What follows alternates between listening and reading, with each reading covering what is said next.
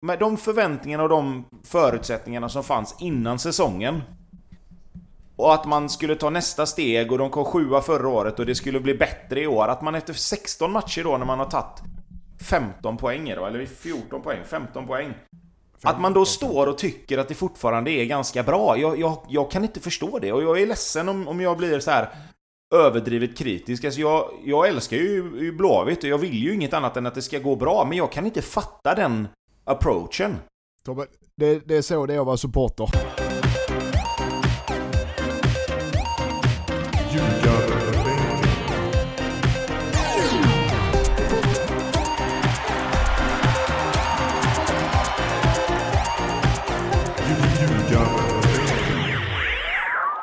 Det här är Ljugarbänken i samarbete med NordicBet. Det är avsnitt 182 och jag brukar ju fråga dig eh, Lindström vad du gör, men nu råkar det vara så att man får koll på det via sociala medier. Och du är ju här uppe i Stockholm, typ tre mm. kilometer från mig, undviker mm. mig och det grövsta. Du ska, för, för, du ska förkovra dig eh, fotbollsmässigt genom att eh, hälsa på hos Hammarby och som du uttryckte det, gå bredvid Stefan Billborn och Jesper Jansson. Eh, om vi liksom ska säga vad det egentligen betyder då, så är ju det att du är ute och åker båt med Jesper Jansson vid Djurgården. Ja, lite så är det. Ja men eh, ja, det stämmer, jag är uppe i Stockholm och Mårten du har faktiskt blivit inbjuden på fotbollstennis ikväll, eh, inom, eller i eftermiddag i en park och dricka öl med oss. Så jag får hitta ja, vilken park det är själv. Ja, det vet, det vet inte jag ens. Men eh, vi... Eh, nej men det stämmer, jag är med eh, i, eller var med igår på träningen och ska vara med imorgon också på träningen och titta lite och prata lite med, med tränarna och Jeppe och spelarna också för det, för det är en massa gamla lagkamrater. Men det, så man kan se det som en liten eh, fortbildning, en liten utbildning helt enkelt och se hur man jobbar på den yppersta eliten i Sverige. Så det är, det är spännande och kul. Vad har du lärt dig hittills då? Ja, hur snabbt Jeppes båt kan köra. Nej men jag, det, det, är kul att se eh, alltså vilken, som det är det är inget nytt det här för mig, men jag ändå ser det som ur tränarögon och inte spelarna att du har, du har dem, som igår så har du Billborn och Kalle som jobbar med gruppen som spelade och ger dem feedback och jobbar med rehab för dem. Så har du då en Lindberg, eh, fystränaren där som eh, kör med, med, med de skadade spelarna eh, som kör på dem med den. Så har du Tony Tiger nu som kom in, eh, Tony som kom in eh, som en resurs i, igår, hade första träningen som kör med dem som inte startade och trycker på. Så de har eh, det att de har en uppdelning mellan, mellan sina tränare så alla får ut det bästa av eh, sin, sin kapacitet. Det, det tyckte jag var kul att se. det är inte ovanligt men jag tyckte det var kul att se att du har rätt resurser på rätt folk. Det var väl det jag lärde mig igår på onsdag och jag pratade lite med spelarna och så här, på onsdag så, så ehm, ska det bli mer ordentlig träning där får se lite mer träningsupplägg och hur de tänker, äh, tänker med, med, med pulsering och liknande. Så det är spännande. Det är också kul att se vad eh, sport, äh, sport, Hammarby sportchef köper för sin feta lön. Eller hur? En båt menar du? en båt ja. ja. ja men det var trevligt. Jag har aldrig varit ute i Stockholms skärgård. jätte, ni har det jättefint här Mårten. Ja. Det, är inte, det, är inte hav, det är inte havet på riktigt om man säger så. Som vi har det. Men det är jättefint där. Vi var, ja. En sak jag tänkte på på den eh, Instagram-posten var ju hur otroligt eh, kompatibel Jesper Janssons frisyr är med att åka båt. Ja, den var... Det är 10 ja. av 10. Ja, det var det. Där blev jag lite avundsjuk. Tobbe? Men, så det, så jag, jag, jag njuter av eh, min ofrivilliga ledighet mm. och utbildar mig. Tobbe, har du utbildat dig något sen sist? Inte jättemycket faktiskt. Nej. Eh, däremot eh, tagit lärdom av att eh, vi glömde få med oss våra matchkläder ner till vår senaste match mot, mot eh, Centern nere i Halmstad. Ja. Eh, det blev ett missförstånd där han som brukar eh, ha hand om kläder och eh, liknande inte var med den här gången och därför så eh, fick vi inte med oss vi fick inte med oss kläderna helt enkelt. Det är den viktigaste ja, rollen i laget, den som tar med sig Ja men det blev liksom så att vi, vi, ja, vi stod och tittade på varandra, jag och den andra tränaren där och bara helt plötsligt så slog det oss att ingen av oss hade tänkt på att han inte var med. Uh, så att vi fick låna kläder hos Centern och, och spela i deras bortaställ. Men uh, det blev 2-2. Så att det, uh, vi får vara nöjda med det. Vi gjorde ingen, ingen bra match och de, de var bättre än vad jag trodde. Så att det, var, det var rättvist de ledde sent och vi gjorde mål på en, på en straff som också var lite halvrolig. Vi, vi gjorde mål men domaren blåste av och blåste straff istället för hans. Så att eh, det var också lite speciellt.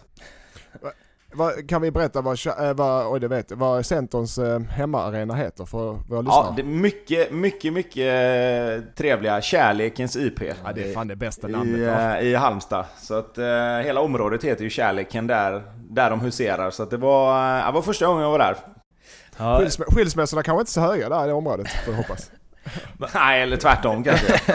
är den, ligger den fint också eller? Eh, ja, alltså det ligger inne i ett bostadsområde. Ja, okej. Eh, Man såg vilken plan som helst egentligen. Man såg Kan- ju annars något så ligga här på planen? Kan man- solnedgångskompatibelt vid vattnet-ish. Men, Ja, nej inte sådär som man hade kanske hoppats. Men, eh, nej, men det var bra matta och, och den, den låg bra där inne, inne i området. Så att det var inga problem. Man måste också säga att en person som eh, har ansvar för matchstället och som ni när ni är framme kommer på att oh, den personen är inte med. Det måste ju någonstans personifiera det här. Man, man pratar ju mycket om att eh, menar, alla hjältarna som jobbar i det tysta. Eh, det, det måste ju vara en sån person. Som eh. Han eh, är definitivt en sån person. Han gör så mycket mer än vad han behöver egentligen. Och eh, vi fick väl oss en liten eh, näsbränna vi andra att vi kanske får börja ta lite mer ansvar vad gäller vissa saker. Så att, eh, nej men som sagt, han är, det är en klippa vi har där Mackan. Så att eh, därför så, så blev det liksom att Ja, man har nästan börjat ta för givet att han alltid löser det och nu när inte han kunde åka med den här gången så, eh, så glömde vi helt enkelt av det. Men det, det, men det kommer ju inte hända igen kan man säga. Nej, precis. Ehm, har du spelat i eh, motståndarnas eh, matchställ någon gång Lindström? Mm, det har jag. Eh, ah, som tränare, inte som spelare. Vadå, fick du blev- låna träningsoverall? Nej, men alltså vi kom, vi, det var med Tvååkers, kom upp till match så hade vi Domaren godkände inte våra matchställ för han tyckte det var för likt eh, ingen av våra matchställ, varken eh, hemma eller borta matchställen. Så vi fick låna eh, motståndarnas reservdäck som var ju som tält, det här gamla, ah, och det var en sån jäkla tändvätska för oss alltså. Eh, men nej, men tränaren har ju egna kläder, jag har ju Jag vet. Det Ja. måste vara... kostym tänkte jag. Nej, alltså, division 2. Det måste vara... eh, Det måste vara jävla mindfuck alltså att möta sitt egna bortaställ. Liksom. Ja, den är inte, det är inte bra för någon av lagen. Det, Det det bli på hur man, hur man vänder det. Ja. Har du mött någon tränare med kostym i division 2 eller 1? Ja, ja, en, nej, det har jag inte. Eh, och jag tänker, har du kostym i division 1 så får du fan se till att vinna matcherna alltså. Lite så. Ja. ja, ja. Eh, nu ska vi prata om lag som både vunnit och inte vunnit eh, matcherna. Vi börjar på Strandvallen där det i, under gassande sol eh, var ett Mjällby utan hyperviktiga Löken som tog emot eh, MFF och eh, grejade en poäng. 2-2 blev det i den matchen. Och eh, Mjällby fortsätter vara bra alltså. De, Mm. eh, de löser det oftast, känns det som. Ja. De är trygga, vi har sagt det innan, vi säger det, de är otroligt trygga i sitt eh, sätt att spela. Lans när han kom in, så jag hörde nyligen på en podd där att de, var, de hade ju med ett träningsläger nere i Spanien på tio dagar innan Corona utbröt, så, eh, eller bröt ut. Så, och då, eh, Mjällby har alltid spelat fyrbackslinje, klassisk fyrbackslinje. Och då var Lans med spelarmaterialet så han och Jäler tyckte att det här passar för 3-5-2 eller 5-3-2. Så då han sa, där nere så jobbar vi med det tio dagar nonstop med att och, och slipa de här fembackslinjen, trebackslinjen. Eh, och det satt, det var det, det är det som gav grunden till det så trygga de med sitt spel. Sen att de fick en bra start i kuppen och, och även efter i Allsvenskan så det gör mig som otroligt trygga i sina roller, defensivt och offensivt. Eh, och nu får du hjälpa med uttalet men Moh- Mohannad Jahes, vad säger vi? Vad sa vi Tobbe? Jahes? Nej, jag, jag, jag, det, har, det har varit osäkert för mig, men- jag har hört att de säger Yash eller något sånt Yash, där ja, i, Yash, ja, eller. Yash i, i eh, sändningarna, så jag går på det tror jag. Ja, ja. Vä- Vänsterwingen där i i en fembackslinje, det är sådana spelare, en väldigt duktig och väldigt eh, spännande spelare. Det är sådana spelare som gör att ett, ett system fungerar, ett 3-5-2 system. På vänsterkant, han trycker upp och ner där som en, en dåre alltså. Så det är kul att se. Eh, så Mjällby är i, i Allsvenskan för att stanna med besked. De har gjort kloka varvningar värvningar tycker jag. Väldigt kloka värvningar, plocka lite eh, små, inte avdankade, men små spelare som eh, ligger löst och hänger lite överallt. Så de, de, eh, de har en fin strategi och Jädler och Lands verkar gilla det de gör. Och i, ja. Om vi ser på Malmö då, så det var en del spelare som saknades och ja, Kesselin Thelin var avstängd, Toivonen sliten. Men framförallt är det två andra spelare, Tim Pricha som inte fick nytt eh, kontrakt, eller Malmö sa väl att han hade en deadline och drog tillbaka det sen. Och sen har vi Guillermo Målin som bryter kontraktet. Eh, den första tror jag sved och MFF-are eftersom det är en stor talang som försvann och att det är lite oklart om vem som bär skulden för att han inte är kvar och om man spelade honom i början för att man ville ha kvar honom och ja, hitan och ditan. Medans i Gisches fall så är det väl, skulle jag tippa i alla fall, ganska mycket nostalgi. Han har ju ändå vunnit, eh, nu ska vi se så jag inte säger fel här, men han har vunnit fyra guld med MFF. Eh, och eh, ja, varit en väldigt viktig spelare eh, tillbaka i tiden och eh, ja, älskad av supportrarna. Och det kanske inte var så här de ville att det skulle sluta riktigt. Eh, vad säger ni om de två spelarna som har försvunnit? Det är ju två väldigt olika fall, eller vad man ska kalla det. Ja just med, med Tim då, eh, Rades grabb Pritz alltså.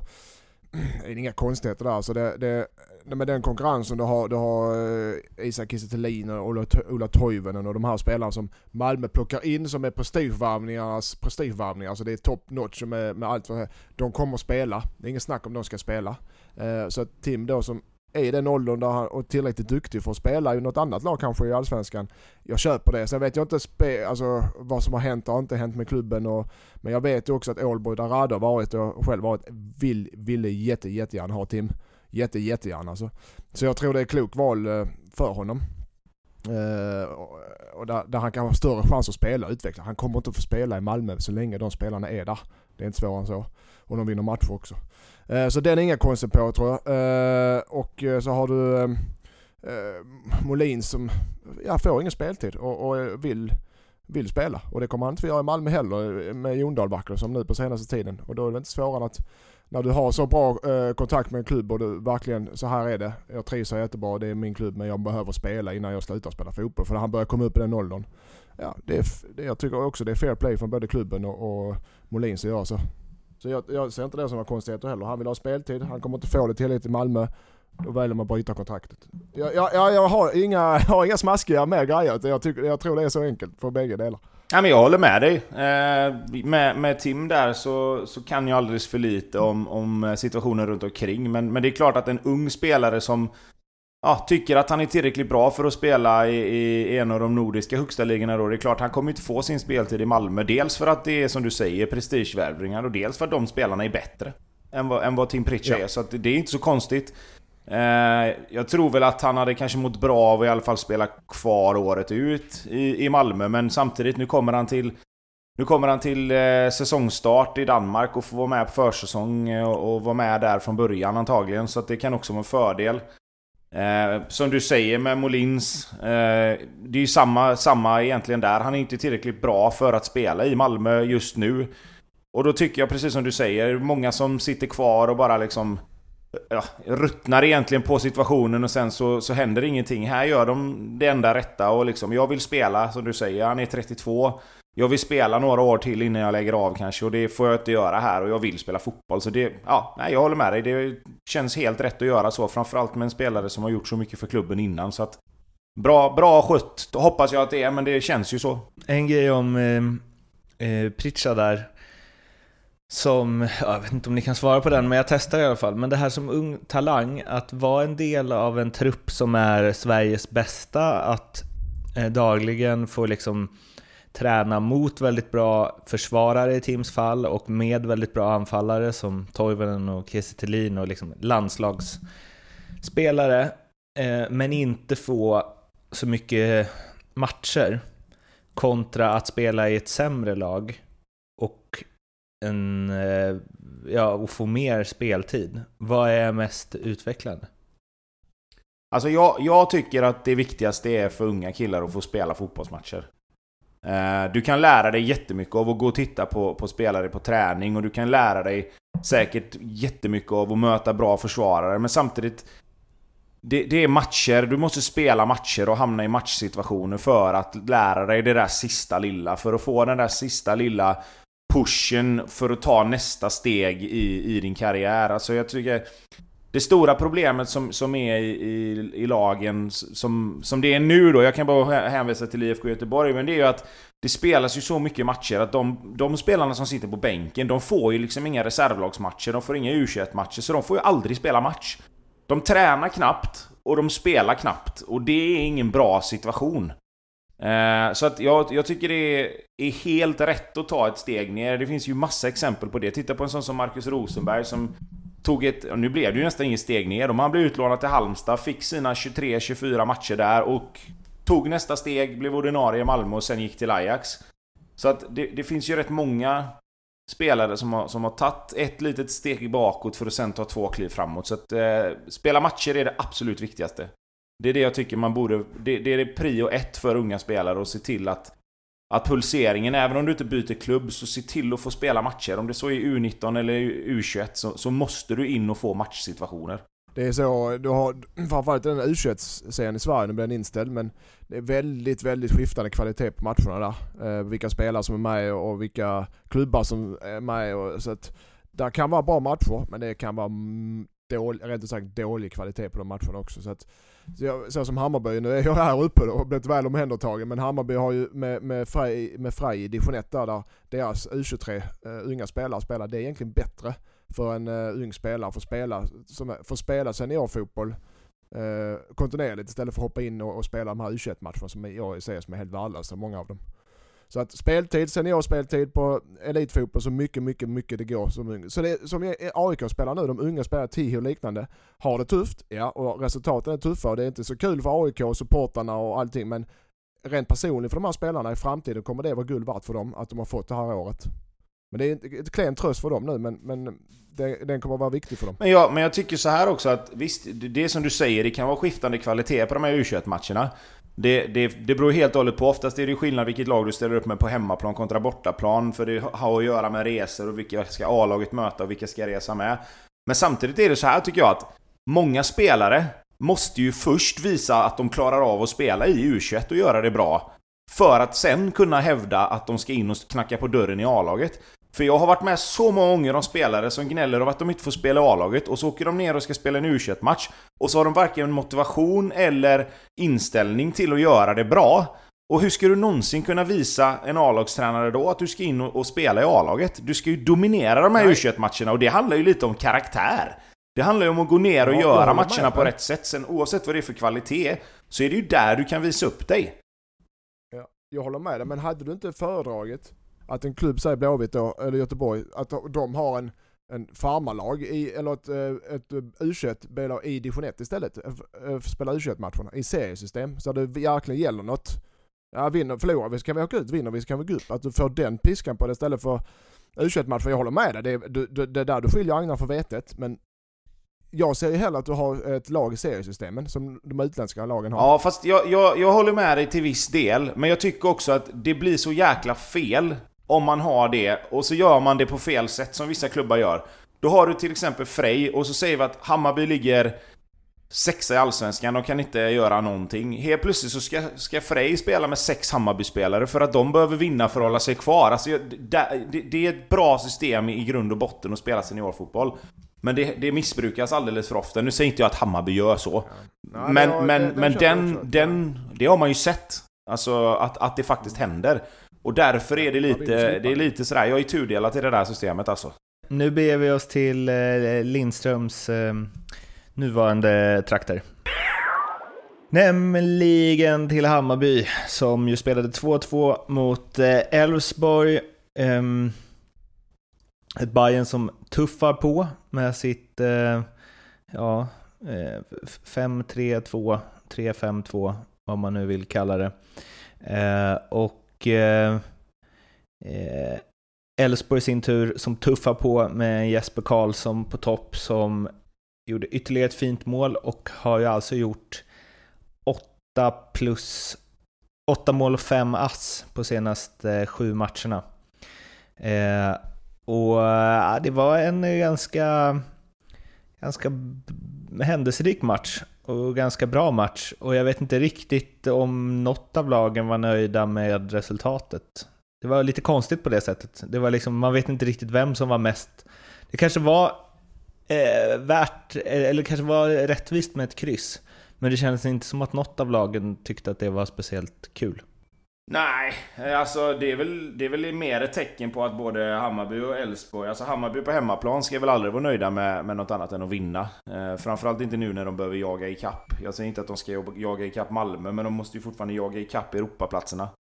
Eh, Elfsborg har ju hamnat på ett, på ett ställe den här säsongen att de inte heller är nöjda med att kryssa på bortaplan knappt. Sen tror jag väl att hade de, hade de fått krysset på förhand så tror jag de hade tagit det. Och så som det blev i den här matchen nu där de... Ja, de får straff emot sig, rött kort. Och 2-2 och, och sen blir det en liten, liten miniforcering. Men, men det är klart att Elfsborg med en man mindre sista 15 minuterna de är nog ändå nöjda med att få behållt det där krysset. Eh, men det är klart att eh, det är ju ett styrkebesked att kunna åka upp till, till Hammarby, mot Hammarby och spela oavgjort. Och Elfsborg fortsätter att imponera och framförallt Jesper Karlsson är ju... Jag vet inte, vi har ju berömt honom så mycket och vi fortsätter berömma honom men, men den säsongen han gör är ju på väg att bli en av de bättre som vi har sett på väldigt, väldigt länge. Av en spelare. Lindström, vill du testa på en analys av ditt Hammarby? Ja, säg inte Hammarby. uh, men nej det, nej men jag också, jag lyfter också att Jesper Karlsson. Det är, tycker man vill och, och hur, men, men att han, är, han gör det jäkligt bra. Det känns, han är inne i det flowet, man ser det på honom. Bara han än gör så blir det bra. Så det är bara för, för Elfsborg och Thelin att spela honom. Spela honom hela, hela, hela tiden bara så länge han är i den här formen.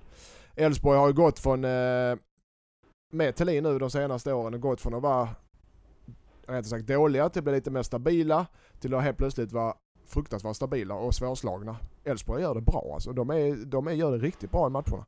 Eh, det här var rätt svängig match. Jag tycker att eh, Abbe Khalili blir bättre och bättre varje match och kommer, och jag håller Abbe Khalili högt alltså. Och det är alla spelare som kommer utifrån från en liten tuffare period, eh, Abbe var skadad, behöver tid på sig. Han kommer bli bra alla andra delar av Allsvenskan, jag är helt säker på det, ännu bättre. Eh, jag tycker Elfsborgs tremannamittfält där med Simon Olsson, eh, Sivert Nilsson, Fredrik Holst eh, i 4-3-3. De i sin tur, de tre jobbar så jäkla hårt och ligger så bra i positioner. Dammsuger, och eh, bra i speluppbyggnaden också. För att ge utrymme offensivt åt Jesper Karlsson och Frick och Alm. Det är det, där, det där tycker Elfsborg gör det bäst. Eh, Simon Strand drar på sig tredje röda kortet. alltså på 15, vad är det, 15 matcher på en halv säsong. Hur fan är det möjligt? Det var rekord läste jag. 16 matcher. Detta röda kortet alltså, var ju dock lite oflyt eller? Alltså han får ju ett jo, skott var, jo, på handen liksom. Det, det, är alltså... Ja jag vet, men det är ändå... Det, är, nej, alltså, nej, nej, det är tråkigt för honom. Men det är tre röda kort på en halv säsong. Det här var ju bara att han får dem på handen, det kan hända vem som helst. Men det är ett rekord, det är ja, ja, ja, nej, Rekord nej, är rekord alltså. Nej, och det är kanske inte någon slump att det är just han heller. Nej. Men eh, jag tycker att eh, just i Hammarbys fall så de fortsätter att ta steg framåt. Eh, kunde lika bra vunnit denna. Sirius nu borta tror jag det. Eh, ett Sirius som också, eh, två raka mot HF som är bra. Eh, den är svår men jag tror Hammarby, jag är nästan säker på att de kommer göra en betydligt bättre andra halv, halvlek i Allsvenskan än första halvlek och kommer med och slåss om Europaplatserna och drar ihop sig.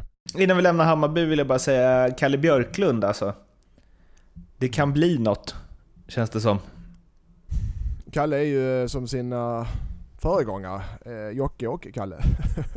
men eh, det är en tuff spelare. Lite oslipad i, eh, lite tekniskt oslipad, men han spelar efter sina resurser. Det vill säga att han, han, han är tuff i närkampen, han är bra i positionsspelet, han, han, han, är, han är bra i en trebackslinje. Han är väldigt bra i en trebackslinje. Eh, där han får eh, försvarsmässigt mest. Eh, han saknar väl lite tekniska egenskaper offensivt men absolut en spelare man vill ha i sitt lag som uh, karaktär och som en trygghet tycker jag. Jag tycker det är duktigt, kul att se honom. Brinner av energi den jäkeln.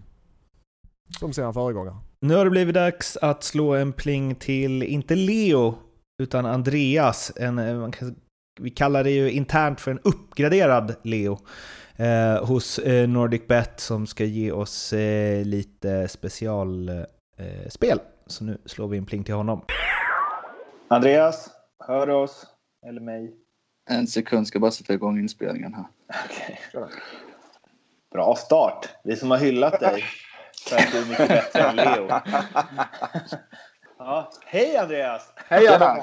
Tjena! Tjena, tjena. Du låter svintaggad. Ja, det var länge sedan nu. Det måste varit eh, en månad eller två tror jag. Ja. Vi har slitit med Leo vecka ut vecka in. Det är Ja, skönt att... Man får ju rycka in när han är ute, när han är ute och far på semester. Han är lite av Tegnells mardröm i Europa för tillfället. Det kan jag tänka mig. Ja. Vad har du att bjuda på idag? Jag tänkte först, jag har två grejer. Jag tänkte börja här med att prata lite skytteliga faktiskt. För kollar vi på årets skytteliga nu när vi är halvvägs in så är det faktiskt väldigt jämnt. Vi har inte någon sån här gubbe som sticker ut över mängden utan vi har lite Jesper Karlsson på 9, Vecchia på 8, Thelin 8, Totte Nyman 8, Selmani 7, Ogbo 7 och sen ett gäng på 6. Så då tänkte jag höra vilka vinner skytteligan? Jo, eller vem vinner skytteligan nu rättare sagt? Jag Jag bara- sa ju innan säsongen att eh, Thelin ska göra det. Så jag får väl stå fast vid det. Jag, eh, jag, får jag ta samma? Det är tråkigt. Thelin, Ja. eller Ny- Thelin vill jag säga, men du sa Mårten så jag säger Nyman annars. Eh, ja, men då säger jag Jesper Karlsson bara för att ha en helt annan då. Ja, men då är ni faktiskt in line med oddsen. Här för Christer Thelin är faktiskt favorit på 2,75. Totte Nyman och Jesper Karlsson delade tvåor på 3. Eh, och sen är det vecka på 5 och sen är det ett litet hopp till Ogbo där. Eh, man får ju ha med sig... Vad har Ogbo då? Ogbo har 12. Det är fan... Eh, han kan ju, kommer ju fortsätta göra mål, tänker jag. Ja. Alltså de kan ju också bli sålda och lite sånt. Men Ja, Ogbo känns det mer som han skulle bli såld inrikes så att säga. Jesper Karlsson skulle Mm. väl kunna gå utomlands, tänker jag. Eh, personligen höjer jag nog ett litet varningens för Vecchia till fem. Alltså, han är, tycker jag, otrolig för tillfället. Mm. Men, men. Eh, och sen så tänkte jag att eftersom det fortfarande är lite kräftgång gällande de här tripplarna så ska ni fortsätta få ta ut ett bossigt spel den här veckan. Så syr vi ihop det till en, en trippel. Uff. Mm. Så Ja, börja Lindström, börjar du. Ja, jag har ju eh, AIK HIF i en eh, cupfinal kom vi fram till att det eh, att eh, bägge, ingen av lagen har råd att förlora. Eh, och ingen av lagen vill spela oavgjort heller. Så att eh, jag tror på det kommer tillknäppt. Två så som har sett ut de senaste 15-10 matcherna. Tillknäppt, eh, fem matcher. Tillknäppt. Ingen kommer ett- så att flest mål i andra halvlek. För när det smäller till, och det kommer det göra i andra halvlek, då har, kommer det bli jakt av någon av lagen. Så att eh, flest mål i andra halvlek och den eh, ger nog eh, ja, två gånger pengarna på normalt sätt. Ja, det borde väl ligga någonstans där vi kan säga det. Jag fixar minst två gånger pengarna får du. Mm, tack. Tobbe? Ja, jag kör på att eh, Elfsborg slår Östersund och att Jesper Karlsson gör mål i matchen. Elfsborg slår Östersund och Jesper Karlsson gör mål. Ja, noterat. Och jag säger att eh, Djurgården vinner över Blåvitt. Djurgården vinner över Blåvitt. All right. Nu blir det lite svårt att ta det här oddset på uppstuds, men jag kan säga så här då att jag lovar ett bra odds betydligt bättre än vad Leo hade gett och jag kommer lägga den under eh, ljugarbänken-specialerna på, på NordicBet. Det låter bra. Det låter Ja, bra. perfekt. Det, Det är väl vi, kan, alltid bättre än vad Leo hade gett. ja, vi kanske kan nu för en gångs skull. Det blir bra. Ja, eh, hade du något mer? Eller klara? Nej, det, det är faktiskt allt för mig den här veckan. Ja, gött. Då hörs vi igen eh, nästa va? Han är väl inte tillbaka? Eh, det är oklart. Det blir en... Eh, för- den som är bäst på i veckan för att spela helt enkelt. Så eh, är ju gammal standard. eh. Exakt, vi får se om jag blir uttagen nästa vecka. Ja, vi hörs. Ha det bra. Ja, Ha det bra. Tja. Ha det, ha det, ha det. Hej. Det där var alltså Andreas från NordicBet. Kom ihåg att spela ansvarsfullt och att du måste vara minst 18 år för att spela. Behöver du hjälp eller stöd så finns stödlinjen.se. Ett ställe där det kanske inte direkt brinner av energi är ju AIK. Eh, vi hade ju ett eh, lite kortare extra avsnitt förra veckan där vi pratade en del om AIK, så vi ska väl försöka hålla det här hyfsat kort, eh, eller åtminstone fokusera på de värvningar som kommit in sedan dess, men snabbt bara, de kryssade borta mot Falkenberg 1-1 och de gick ju tillbaks till någon form av mall 1A när eh, Bartos tog över. Eh, de kryssade första matchen mot Kalmar borta. Kalmar låg då sist. Nu låg Falkenberg sist inför den här bortamatchen mot dem. Och jag... Eh, ja, det är inte så svårt att konstatera att det ser ju knappast bättre ut nu än vad det gjorde mot Kalmar. Utan AIK skulle nog vara väldigt glada att de fick med sig en poäng från den här matchen. Och det som jag skulle säga är lite skrämmande för AIK-supportrar där är väl att de verkade ganska nöjda med det också. Det var liksom vad de sa efteråt att ja, vi kämpar hårt, vi sliter för varandra och eh, vi hade sagt till varandra innan att vi ska i alla fall få med oss en poäng hem. Eh, att det är liksom självbilden de har eh, efter halva säsongen i år. Jag tycker det är lite oroväckande, det här konstaterandet av att vara ett bottenlag faktiskt. Och jag tror det är ett problem. Att man ser sig själv som att kryss mot Falkenberg är ändå OK. Vad tror ni? Men ja, alltså jag, jag, jag, förstår vad du menar och jag kan väl hålla med till viss del, men jag tycker samtidigt att det är ganska det är ganska vettigt och sunt ändå att ha inställningen att vi kommer få kriga för varje poäng här nu. Eh, kryssa borta och försöka vinna hemma, det är väl, det är väl grundbulten någonstans för att plocka poäng. Så att eh, jag, jag, tycker väl att... Visst, det är, ju, det är ju tråkigt och jobbigt för AIK supportrar att se att det är dit det har kommit. Men tills de är på lite säkrare mark så tycker jag ändå det är en sund inställning att ha. Sen kan de kanske inte vara nöjda med att spela oavgjort borta mot Falkenberg. Men, men i, som, som läget för AIK är nu där med var det tre eller fyra raka förluster så är det klart att du måste ju få ett trendbrott på någon på, någon, på något sätt. Och nu fick de ju en pinne. Så att eh, både ja och nej i ditt resonemang där skulle jag nog säga. För det jag känner lite är att, så, nu spelar de ju inte det, men om de hade spelat en 4-3-3, vilket de verkligen borde göra, jag fattar inte att de inte gör det. Eh, då har de liksom ett mittfält, Ofori, Seb Larsson, Ado och en trio på topp med Bahoui, Goitom och eh, Paulus Abraham. Att liksom, jag tycker bara det visar så här vad, vilken typ av klass de har på sina spelare. Att de har hamnat i ett läge där det är liksom, där man ska kämpa sig till och riskminimera för att greja en poäng mot det laget som ligger sist i Allsvenskan. Det är ju prekärt, som man brukar säga. Jo, men samtidigt är det ju så här också att nu är vi ju på pappret igen här då. Paulus Abraham gjorde det jättebra i inledningen av säsongen, men Goitom har ju varit blek. Bahoui har varit skadad jättelänge och precis som vi sa med spelare som kommer utifrån så kommer ju han ha en period där han måste spela sig igång. Eh, både Sebastian Larsson och Fori och Adu har ju varit borta i perioder av olika anledningar så att alla de här sex spelarna har ju en matchrytm som inte riktigt sitter ännu. Eh, och jag tror att de är lite rädda för balansen eh, med att spela med två offensiva yttrar. Jag tror att de vill skydda sina ytterbackar lite mer än, än vad en trea längst upp gör.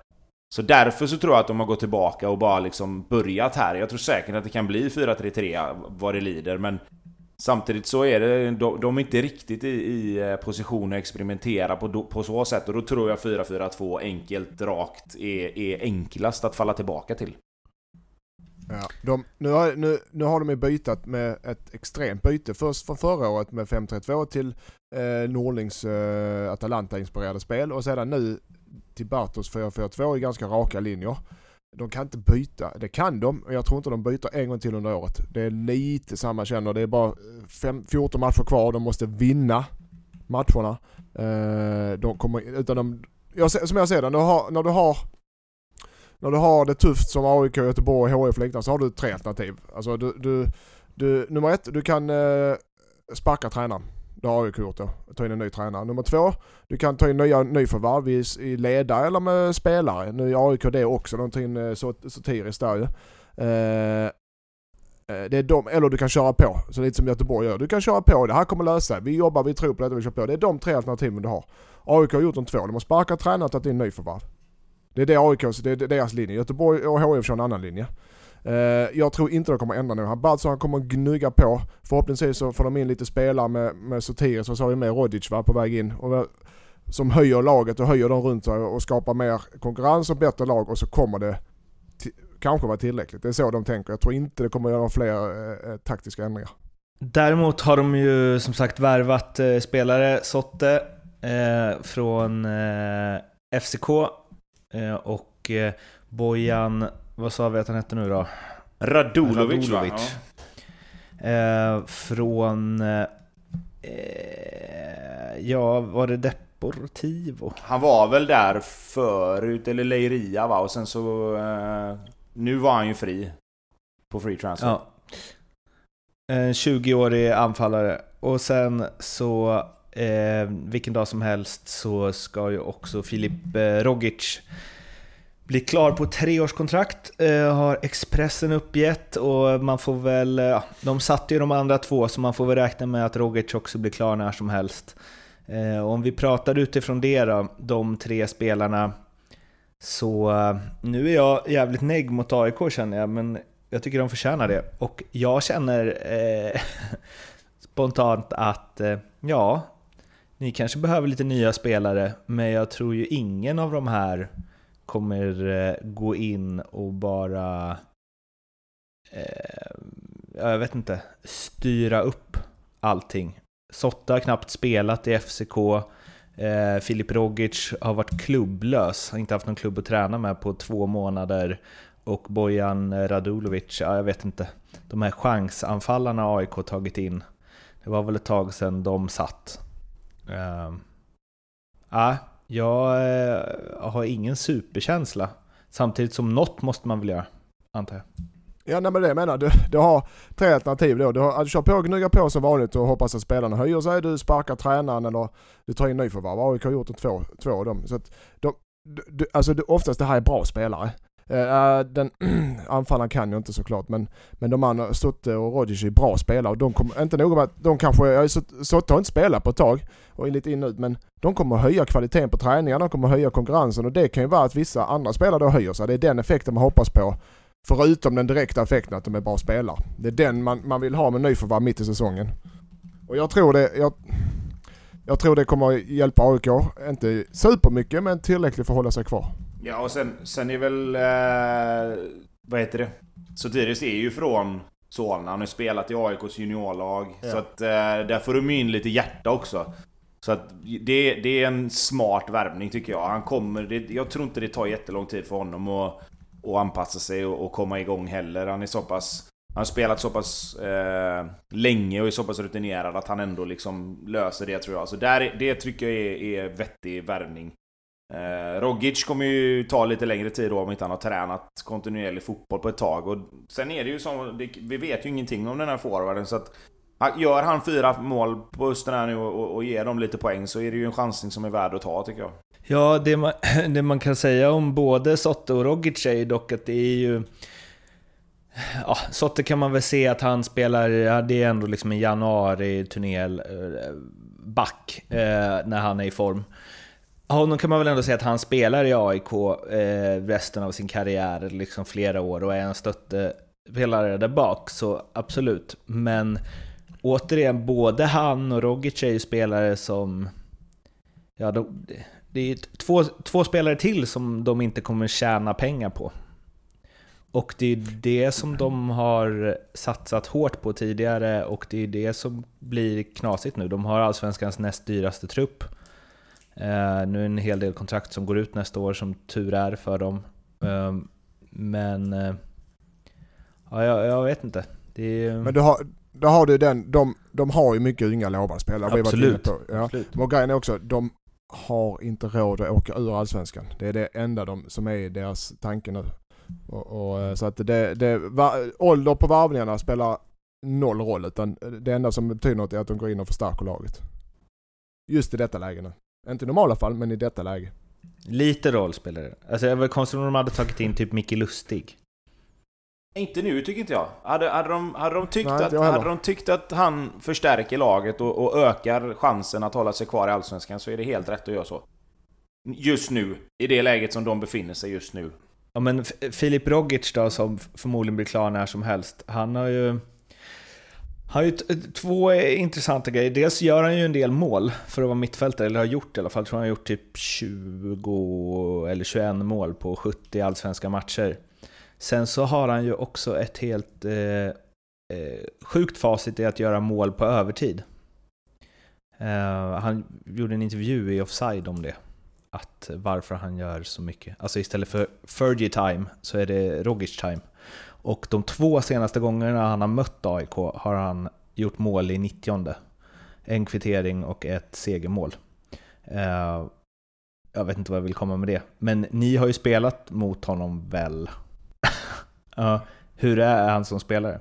Nej men det är som du säger, jag tycker att han är en... Eh, vad ska man säga? Det är, det är en mittfältare med mål och assist i sig tycker jag. Jag tycker han är skicklig på att ta sig till avslutningslägen. Han är bra på att följa med upp från sin position. Oavsett om han har spelat tia, eller om han har spelat höger eller vänster så tar han sig fram i, i positioner där han, eh, han letar efter, efter ställen där han kan göra mål. Eh, så att jag tycker både han och, och Nahir Besara påminner lite grann. Rogic är lite mer slitvarm medan Besara kanske är lite mer lirare på det sättet. Men de, de är skickliga båda två där i, i att, eh, att, att göra mål och assist. Och, och poängspelare är ju det som behövs i, i AIK nu. Liksom. De behöver ju någon som gör de här målen och som spelar fram till målen. Så att eh, jag tror de, får de igång honom relativt fort så kan det bli en, en, en riktig joker att ha i laget nu under hösten. Kamratmöte. IFK Göteborg mot eh, IFK Norrköping. Eh, Norrköping vann med eh, 3-1. Och det var elfte raka va? utan seger för eh, Blåvitt i Allsvenskan. Eh, Tobbe, du brukar ju få ta de här eh, analyserna så du får ta den här också. Ja, tack. Um, ja, sorry. Nej, men nej, jag vet inte riktigt var jag ska... Jag vet inte riktigt var jag ska börja. Eh, återigen så, så, så går de ju på miner när man tappar boll på fel ställe. Norrköping la sig relativt lågt. Eh, men när de märkte att, att Blåvitt hamnade under press... eh, de stressar ju lite grann med, med och försöker att spela lite för smånät igen. Och blir straffade, åker på omställningar. Första målet är ja, det är väl egentligen bara...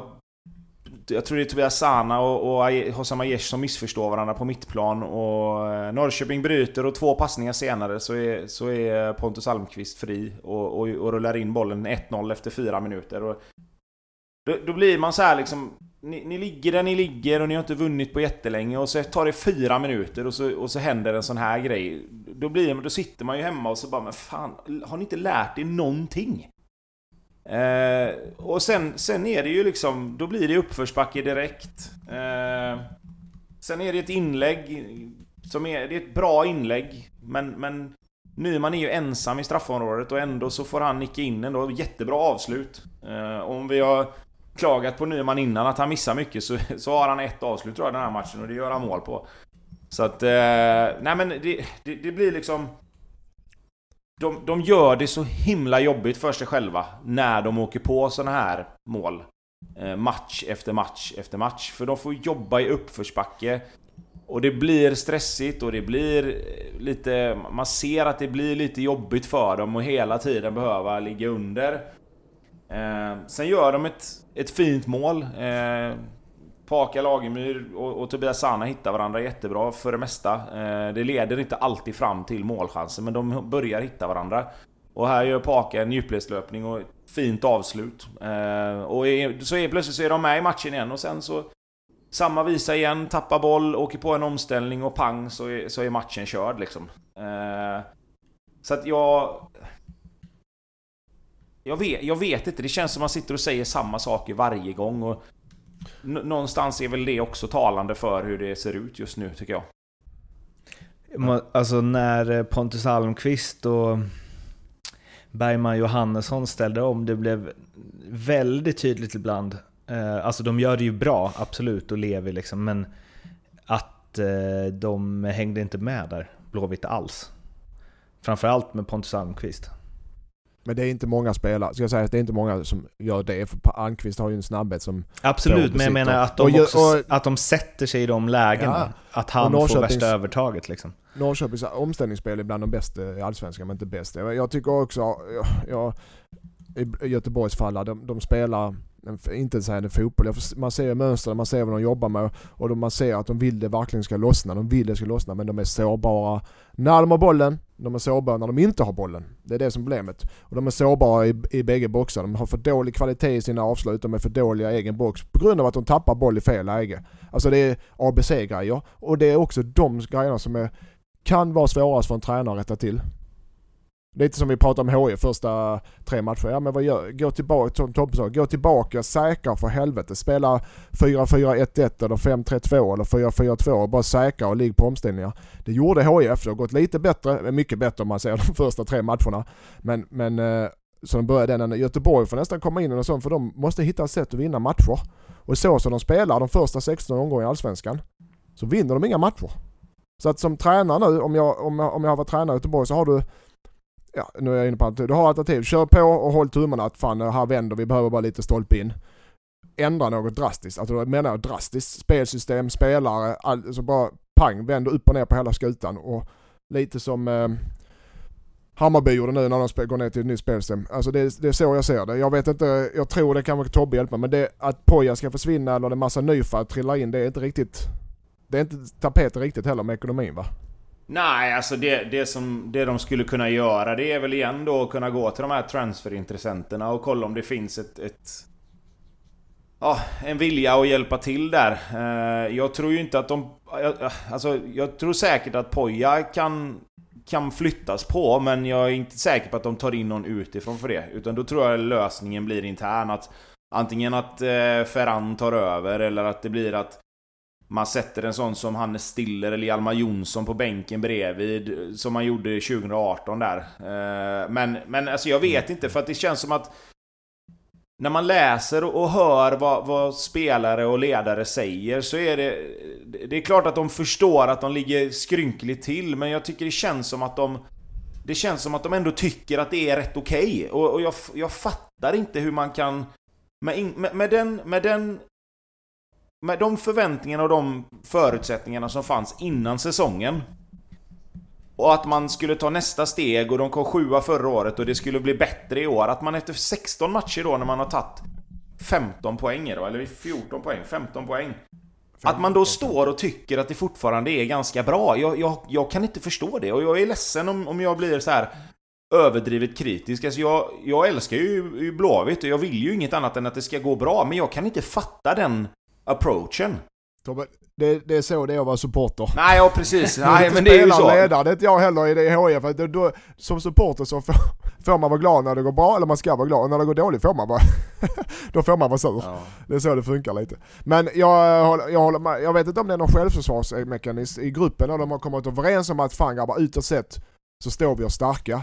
Jag vet inte riktigt men jag, det hade varit befriande att höra någon säga fy fan det här är för dåligt. Om vi inte skärper oss nu så åker vi rakt ner. Alltså, någon, alltså något sånt som AIK har gått ut med, lite som HIF börjar nu gå ut med vissa spelare. Lite mer jag önskar den eh, för Göteborg. Jag, jag egentligen så spelar inte mig någon roll, men jag önskar att de hade lite mer desperation redan nu. Faktiskt. Men eh, jag måste bara eh, fråga här då, alltså vilka spel, alltså om de nu ska värva, vad är det de ska värva då? Anestis är väl bra, Aiesh bra, Lagemyr bra, Jakob Johansson bra, August Erlemark bra, bra, men, men, men hur många chanser? Kalisir, alltså vad, Alhassan Yusuf, vad är, det, var, vad är det de behöver? Fast av alla de spelarna som du räknar upp där nu, hur många av dem har varit bra? Alltså, nu är vi där igen då. Hur många av dem har varit Nej. bra? Om de har spelat 11 matcher i rad utan att vinna, har de varit bra då? Nej, men jag menar att vi vet ju att de spelarna har det. Ja men har Liksom. man det då? Om man, alltså... Men att Jakob Johansson är ju inte, har ju inte blivit jättedålig. helt Nej, plötsligt. nej, jag säger inte att, Alltså- jag säger inte att eh, Hossam Aiesh är dålig. Är eller att, inte- Det är klart att jag vet att Hossam Aiesh kan vara Allsvenskans bästa spelare i en match. Men jag menar, nu handlar det ju lite grann som för AIK. Det vet vi väl att Sebastian Larsson kan också. Adu kan vara det. Paulus Abraham kan vara det. Men de har ju inte varit det. Och Jakob Johansson, vad är, Jakob Johansson är ju landslagsklass som innermittfältare. Inte som mittback. Mm. Alltså... Men vad vill du, om du, om en position som det ska värvas till? Nej men jag, jag, nej där, där är jag med dig. Jag kan inte bara se på, jag kan inte se på, på eh, IFK och, och se att okej, här måste det... Jag, för min del då, om jag bara ska säga en position, så behöver de ju en mittback. En, alltså en mittback som, är, som kan spela de här 14 matcherna som är kvar och som är bättre än de de har. Men med den ekonomin, ekonomin Blåvitt har, så kommer de aldrig få tag i en sån. Och de har mittbackar så det räcker och blir över, men, men det är för... Alltså Bjärsa är ju... Nu skadar ju sig han då, men de hade ju ändå någonting på gång när de spelade med, med Bjärsa och eh, August tycker jag. Eller Bjärsa och till exempel en sån som Jesper Tollinsson. Men sen hamnade han utanför efter Djurgårdsmatchen och det är en ung kille, man ska inte sätta den pressen på honom. Men, men de, de, de spelar ju liksom... Jag, jag kan ju börja med att säga, jag hade ju spelat Jakob Johansson på mitten alla dagar i veckan. Det, oavsett, då får du ju lösa backpositionen. De har ju mittbackar. Det är inte så att de inte har backar. Det, du har ju dels August, du har Kristoffer da Grasa. Sen kanske inte de tycker att de är tillräckligt bra då. Men, men du gör ju Jakob en björntjänst och spelar honom som mittback. Han gjorde det bra de två, tre första matcherna, men sen har ju han haft det jobbigt. Vad harvar Ragnar Sigurdsson på i eh, FCK eller?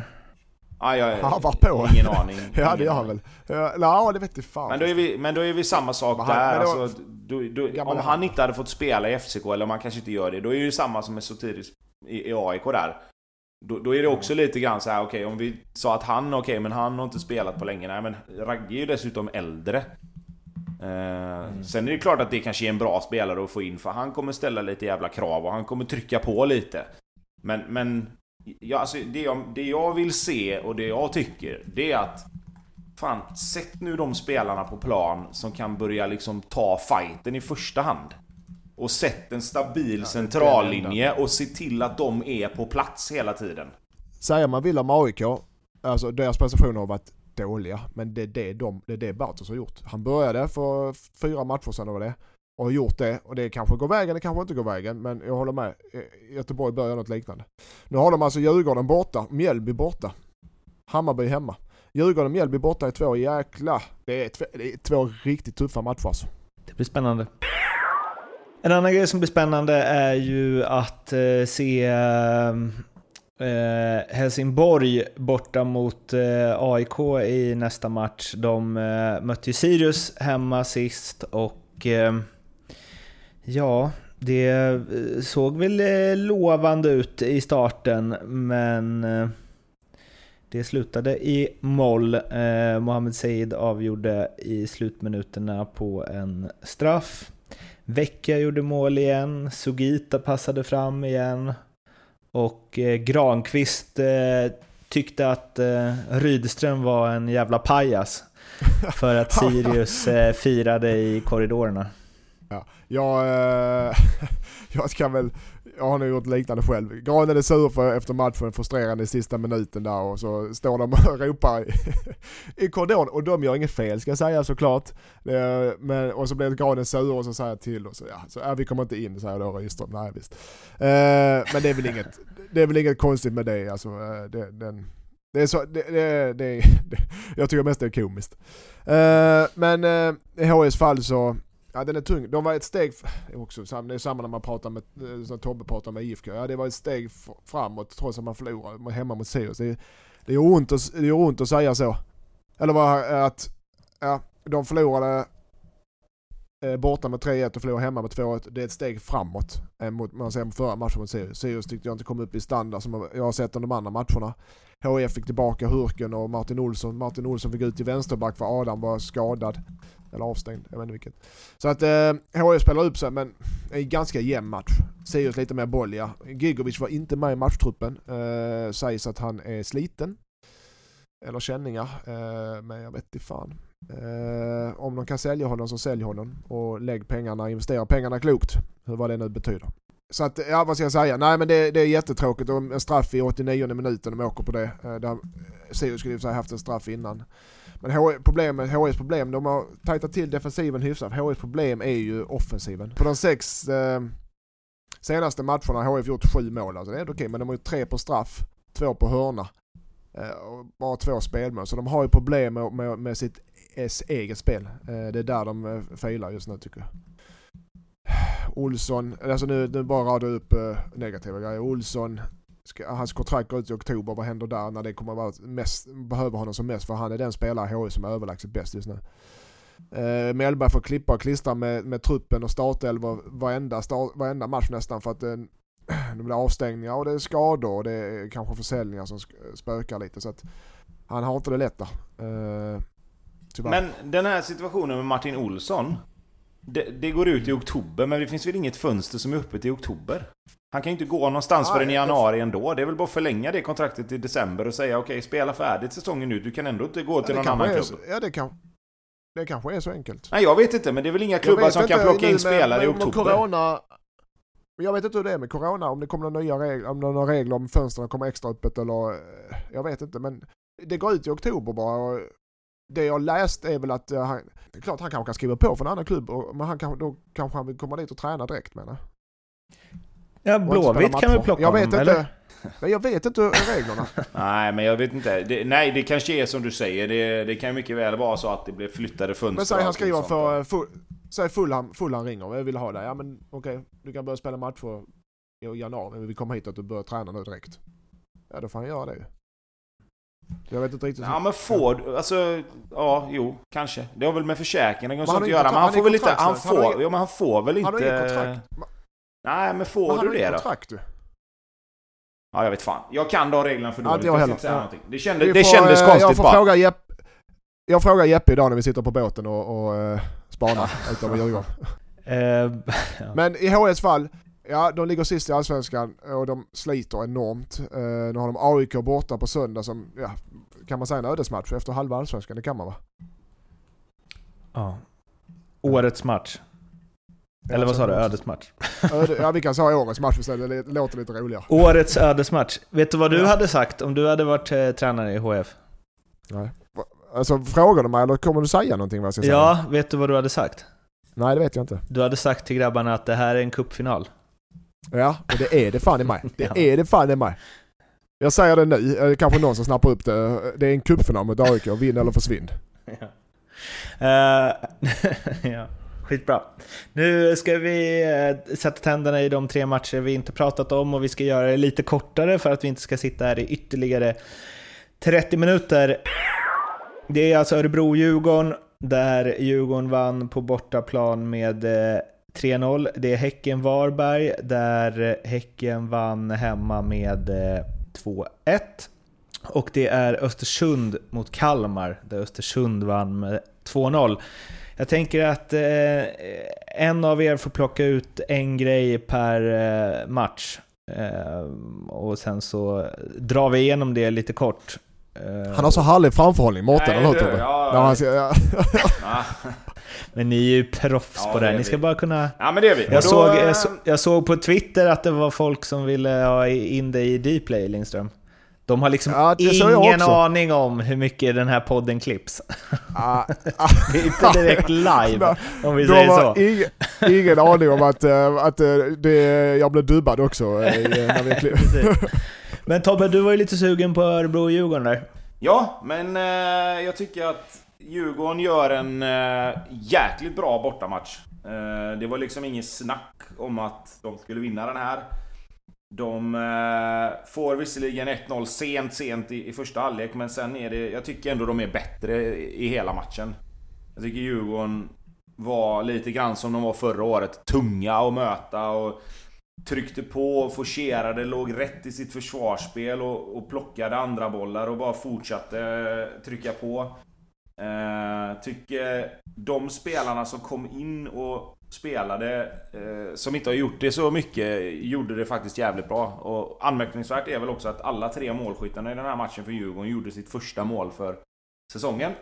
Så både Banda, Berkerot och eh, Chilufya gör ju sina första mål och kanske kan kicka igång dels sina egna säsonger men även kanske en lite mer eh, konkurrenssituation då i, i Djurgården, vilket kan vara bra. Jag läste från Djurgårdssupportrar på Twitter att det var många som tyckte att eh, första halvlek var deras bästa för säsongen och att det kanske var den bästa matchen de har gjort i år. Så känslan är väl eh, att Djurgården är på eh, rätt väg.